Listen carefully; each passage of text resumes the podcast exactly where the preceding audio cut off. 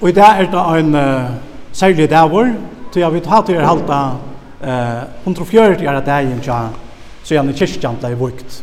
Og tog jeg halte at det er passant at det sier og synder om øyes kyrkjan. Av øye har kyrkja vært alt det man vet om. Og i gamle døven var det vanlig å bytja kyrkjer ur timbre, men uh, det er helt ikke så langt som, som kom gamla kyrkjan var i ring og stande, og folk og øye vil du gjerne hava en nutja kyrkjo. Og nå vil man røyna seg vi gråte, og gråte er nekka som vi hava nokka av her. Folk var røysindir avsamt om hver, hver kyrkjan skulle standa, av dem avon som vi kanskje har oppleva av vi inn i kyrkjana, uh, veverplass og, og så videre. Men uh, vi og Hammersheim, Han uh, avgjørte hetta, hekta, uh, prøvstren av Nese, hver hun skulle standa og ærna for nyer uh, til Danmarskar i 1888. Og etter samme året var arkitekteren Hans Christian Amberg av Øye. Og han gjørte en tekning av en kyrkjo ved uh, 230 sideplosser. Det rommas ganske mer enn 230 her i kyrkjene, men det, det stod så av papurene. Og i 1894 var avgjørst at alle arbeidsfører menn og saktene skulle arbeide i fem dager av 12 timer, det vil si at 30 timer om vikna. Kyrkjan er bygd i Tøyarskavnån, 1804, 1801, og i romantiskon bygningsstøyle, ur høgtun gråte, og ventor som flesta kyrkjer er i færgjom, estor og vestor. Mein pastoren av gråten er brått uh, i Kottalshamre, her som Kottalsbøyle ligger i det. Og resten av gråten er brått oppe av grind. Tørrene var li opp om heste, og kjava og froste, så det var ølja kjelvevor. Og tørrene til ble skoft, og ble tog tidsi rettor. Og da det var li opp attor, ble det øynmektor lagre enn atlan. Vangener, som stiga tørrene, bør ta østene gjørte. Av vestersøyene av tørrene var innfettling gjørt til et ord. Ordet kom 90 år 17. Tostan i etna er at kjeipa kyrkene et ord, til at øyesmauren Johannes Fredrik Paulsen, som er bo en 40 år i Kanada, testamenterer i en peningagave til øyes kyrkene. Uri er ein meter i tvørmalle og hevur ramaratøl. Øyes kyrkja var vukt 18. september i 1841. Vekre i mån til det var av de aller besta. Og folk kom og alle stand fra at ikke etter disse nødjo kyrkjene.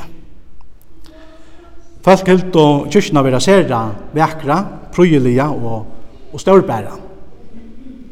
Atterkommen og kyrkjo skulle ein gammal maur ha sagt, og i himmelrujtje har vi ikkje vere, er vekrare her enn i Jesu kyrkjo, så er her godt at vera, sier han. Om sjálva vuxna skriver dimmaletting 24. september samme år, innvige seg at den nye stenkirke på Eite fann sted efter bestemmelsen siste søndag den 18. september. Mot forventning var veirett riktig smukt efter årstiden med solsken og stille veir. Den høytidlighet hadde derfor også samlet mange fremmede i bygden, hvilke flokketes om kirken for rett at besete. Den tager seg nydelig ut, hvor til også beliggenheten bidrager til, og den er i det store og hele en bygning som gør byggemesteren ære. Selve innvielsen fann sted omtrent klokken 11, efter at man var gått i prosesjon fra den gamle kyrke over i den nye. Prost Sørensen innviede med innerlige og smukke år denne bygning til å være et godshus, avsondrede det fra verdens larm og trengsel, og bad om at det måtte blive velsignelse i de år som skulle lyte her inne. Øysten var sagt at i akustisk henseende lader kirken ikke tilbake at ønske. Og dette var Øysten Munk kunne asana som var sunnkje her og kirkene, og det har vi Øysten kunne asana i det. Det er ikke at jeg var støy at vi tar en sere vekra kirkjo her i øye. Og i 1913 maler jeg Nils Kruse, eh, Grøynaboan, oppi over altaren og ta sikrande lampe vi krossmersen og pynslokalisen. Det var så et anna lamp og er en helta. Om det er månte ta kyrkjan blei mala omator og i 1934 og 35 mala i Nils Kruse ta nuverande føreska lampe som seksta vira heimalampe tja Ola og i Jekvanstovo.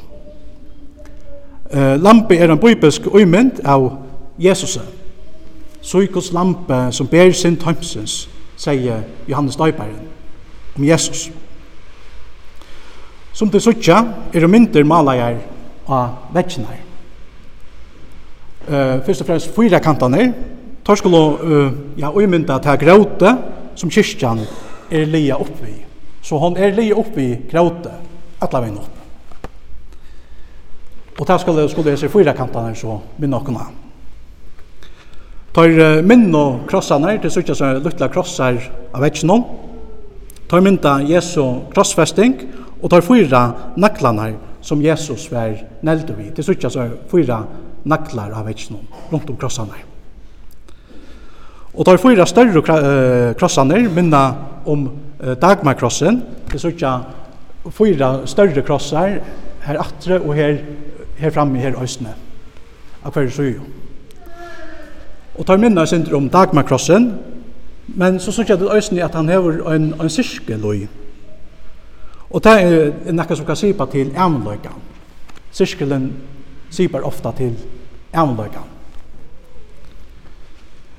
En uh, femte krossor er øysne ute i forskirkene. Til så kjent at det fer ut etter, hvis det ikke opp, så er han bant oppgiver uh, lampene i forskirkene. Og så rundingene vi en prikje i myene, det er sånn at det øyne i av vekkene. det kan sipa til Guds forskjell.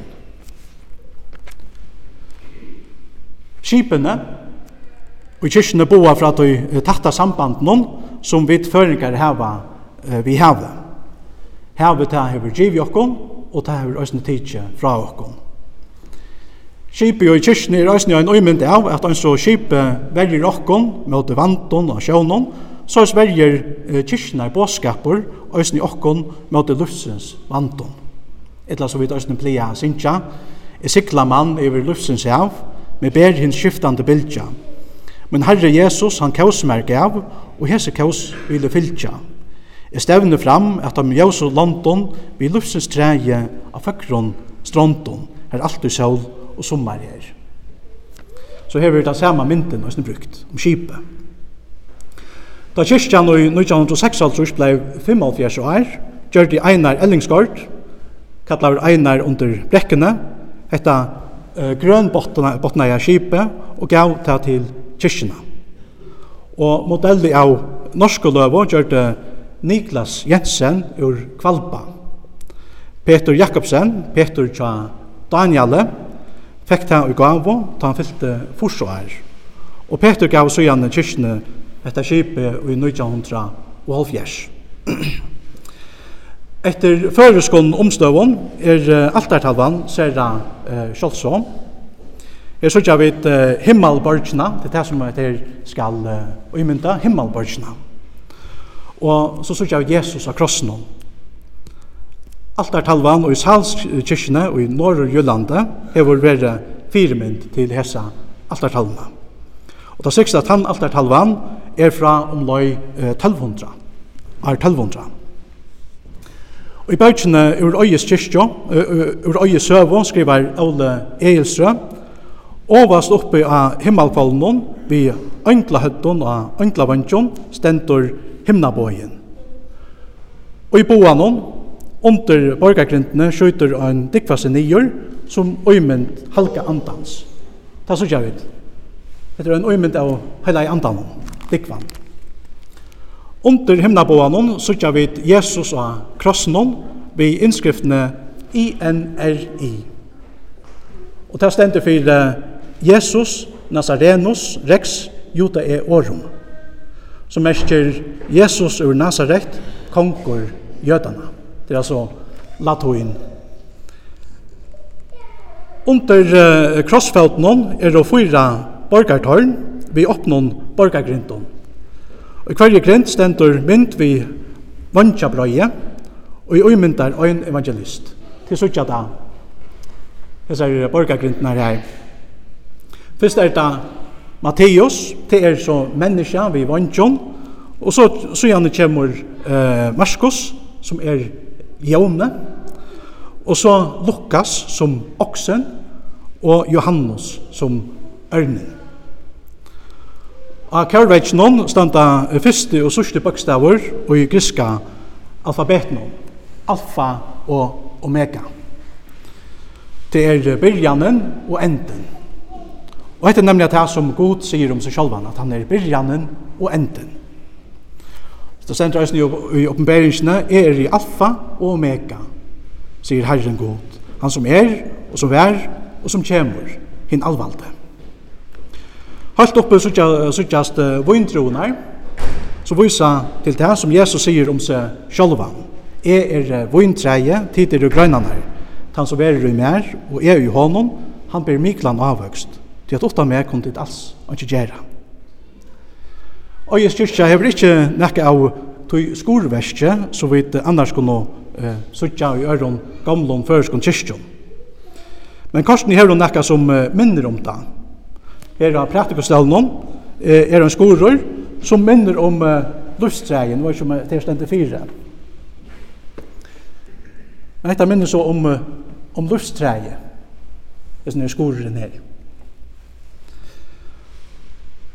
A loften hon er å ter på er talvenar, vi tar mon tutsjo på hon. Troi på at du øyne talvene, og tjei er du sætna. Da kyrkja var liot bygd, fekk hon gav fra frimuraren hon og i Kjepnahavn, kyrkja klokkna og uh, tar på er jøsastekkanar som standa av altaren. Silverkalikeren og opplagt diskeren er helst fra omlai er uh, 1600. Ta kyrkjan i 2006 blei 125 år, var nudj kanna og oplagt og ilagt kjept. Ta stendt så østen ja altaren. Døypefonteren er høgtur ur gråte, som er tidsi opp av oppi av grint og øye. Johan Petersen ur Mikladal er høgt i han. Han er høgtur og i trimon øynton, fautor og holsor og så fontor. Man ser ikke gravera i, i fæte, men uh, det blir helt at uh, det er fra år 1545. Så det er nok så gammalt. Jausa kronar hevur uh, kyrkjefalkje, givi kyrkjene, tatt framan undan uh, aldermauten. Der tølv lampektenar er og kjeptar stått etter fyrra heimsbærdia. Og alderklæ noen stendur som det sutja her, eh, IHS, det er så felt saman og i åkt. Men her stendur altså I og H og S. Og det er en stikting av Jesus hominum salvator. Det er òsne latoin, og det merker Jesus, menneskene frelsere. Om lai 1913 kom Hermonium i kyrkjena, Og i 1930 kom ein brukt pipiurka ur Danmark, og hon var brukt halt til fram til 1975, ta nu var verande urka uh, var kjept. Og det var uh, Verland Johannesen ur Havn, som er bygt urkena, og hon er ein av de første som han bygde.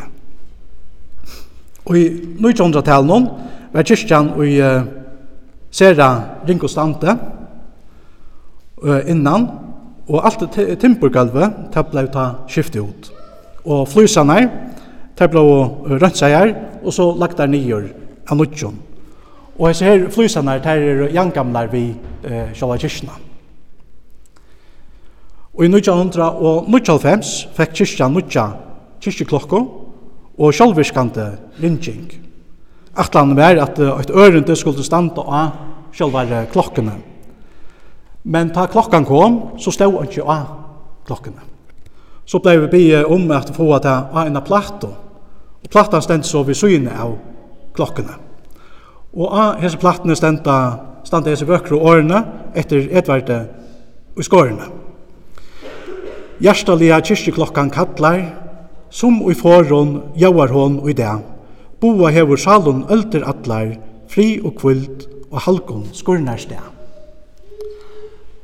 Så hetta var jo sinter om uh, Øyes kyrkjo. Jeg har sagt det sinter om sjåan bygningen. Men uh, året kyrkja sier øysene til Møyra enn sjåan bygningen. Og i Augsburgsko troa jottanne vet det åra såleis. Kyrkjan er samfella tar høyla av. Her evangeliet vil boa rønt og færre vil om sakramentene av rattanått. Så vi kan säga att det är talan om en kyrkjo och i kyrkjene. Og i hese vekre huset som øyesmenn lia opp vi høgton gråte, lia god og et hus opp vi livande gråte. Okkom som høyre hånden til, og så koma i kyrkjo vi feston og anlite og ta lyfte som Jesus sjolver gav. Da han sier, «Tu jeg hver som tvær, etla trutjer er komne saman og i møyne navnet, Her er jeg midt i middelen tørre.